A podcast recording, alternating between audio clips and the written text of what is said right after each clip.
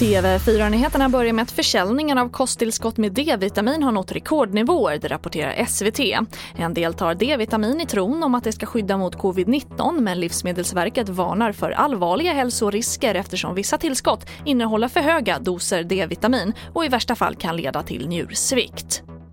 Och i USA är båda partierna överens om ett virusstödpaket värt 900 miljarder dollar.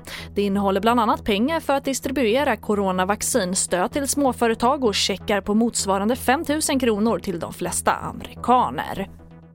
Och nu ska det handla om lekland här hemma för trots att branschen tidigare fått kritik för dålig säkerhet så är det fortsatt många lekland där barn riskerar att skada sig.